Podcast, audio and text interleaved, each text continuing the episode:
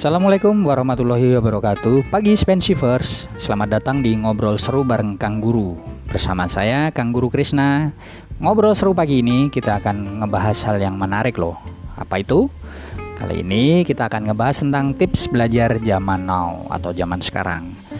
Belajar di zaman sekarang tidak melulu hanya dengan membaca buku kan? Karena di era yang sudah multi digital ini banyak hal yang bisa kita lakukan Hal terpenting yang harus kita lakukan adalah niat dan waktu. Dari niat yang kuat untuk belajar, keinginan untuk terus belajar akan tetap ada pada diri kita. Kita juga perlu meluangkan waktu yang rutin untuk belajar. Kemudian, apa saja kegiatan yang termasuk belajar zaman now atau zaman sekarang?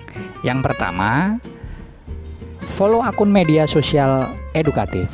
Zaman sekarang banyak sekali akun-akun informatif dan edukatif yang bisa kita ikuti belajar zaman sekarang semudah scrolling media sosial.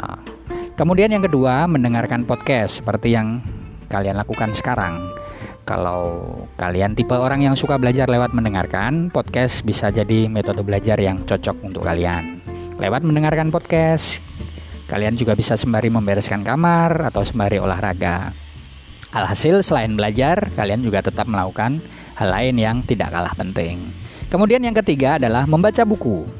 Tetap, walau membaca buku terdengar membosankan, kegiatan ini tetap relevan untuk dijadikan metode belajar zaman now atau zaman sekarang. Hanya saja pilihan buku yang dimaksud adalah bukan buku pelajaran. Kita bisa memilih untuk membaca buku-buku non-fiksi komersial, mulai dari memoir, biografi, hingga buku pengetahuan umum. Selanjutnya adalah yang keempat, belajar di platform edukasi online.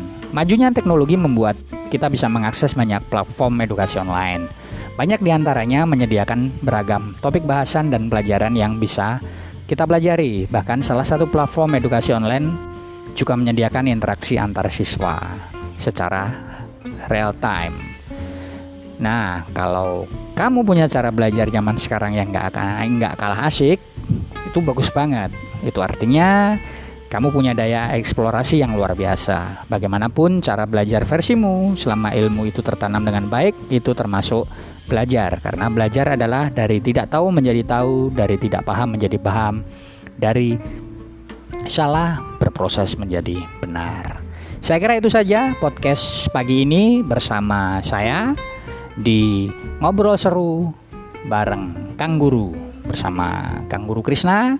Sampai ketemu di podcast episode berikutnya. Tetap semangat, selalu jaga kesehatan. Assalamualaikum warahmatullahi wabarakatuh. Terima kasih.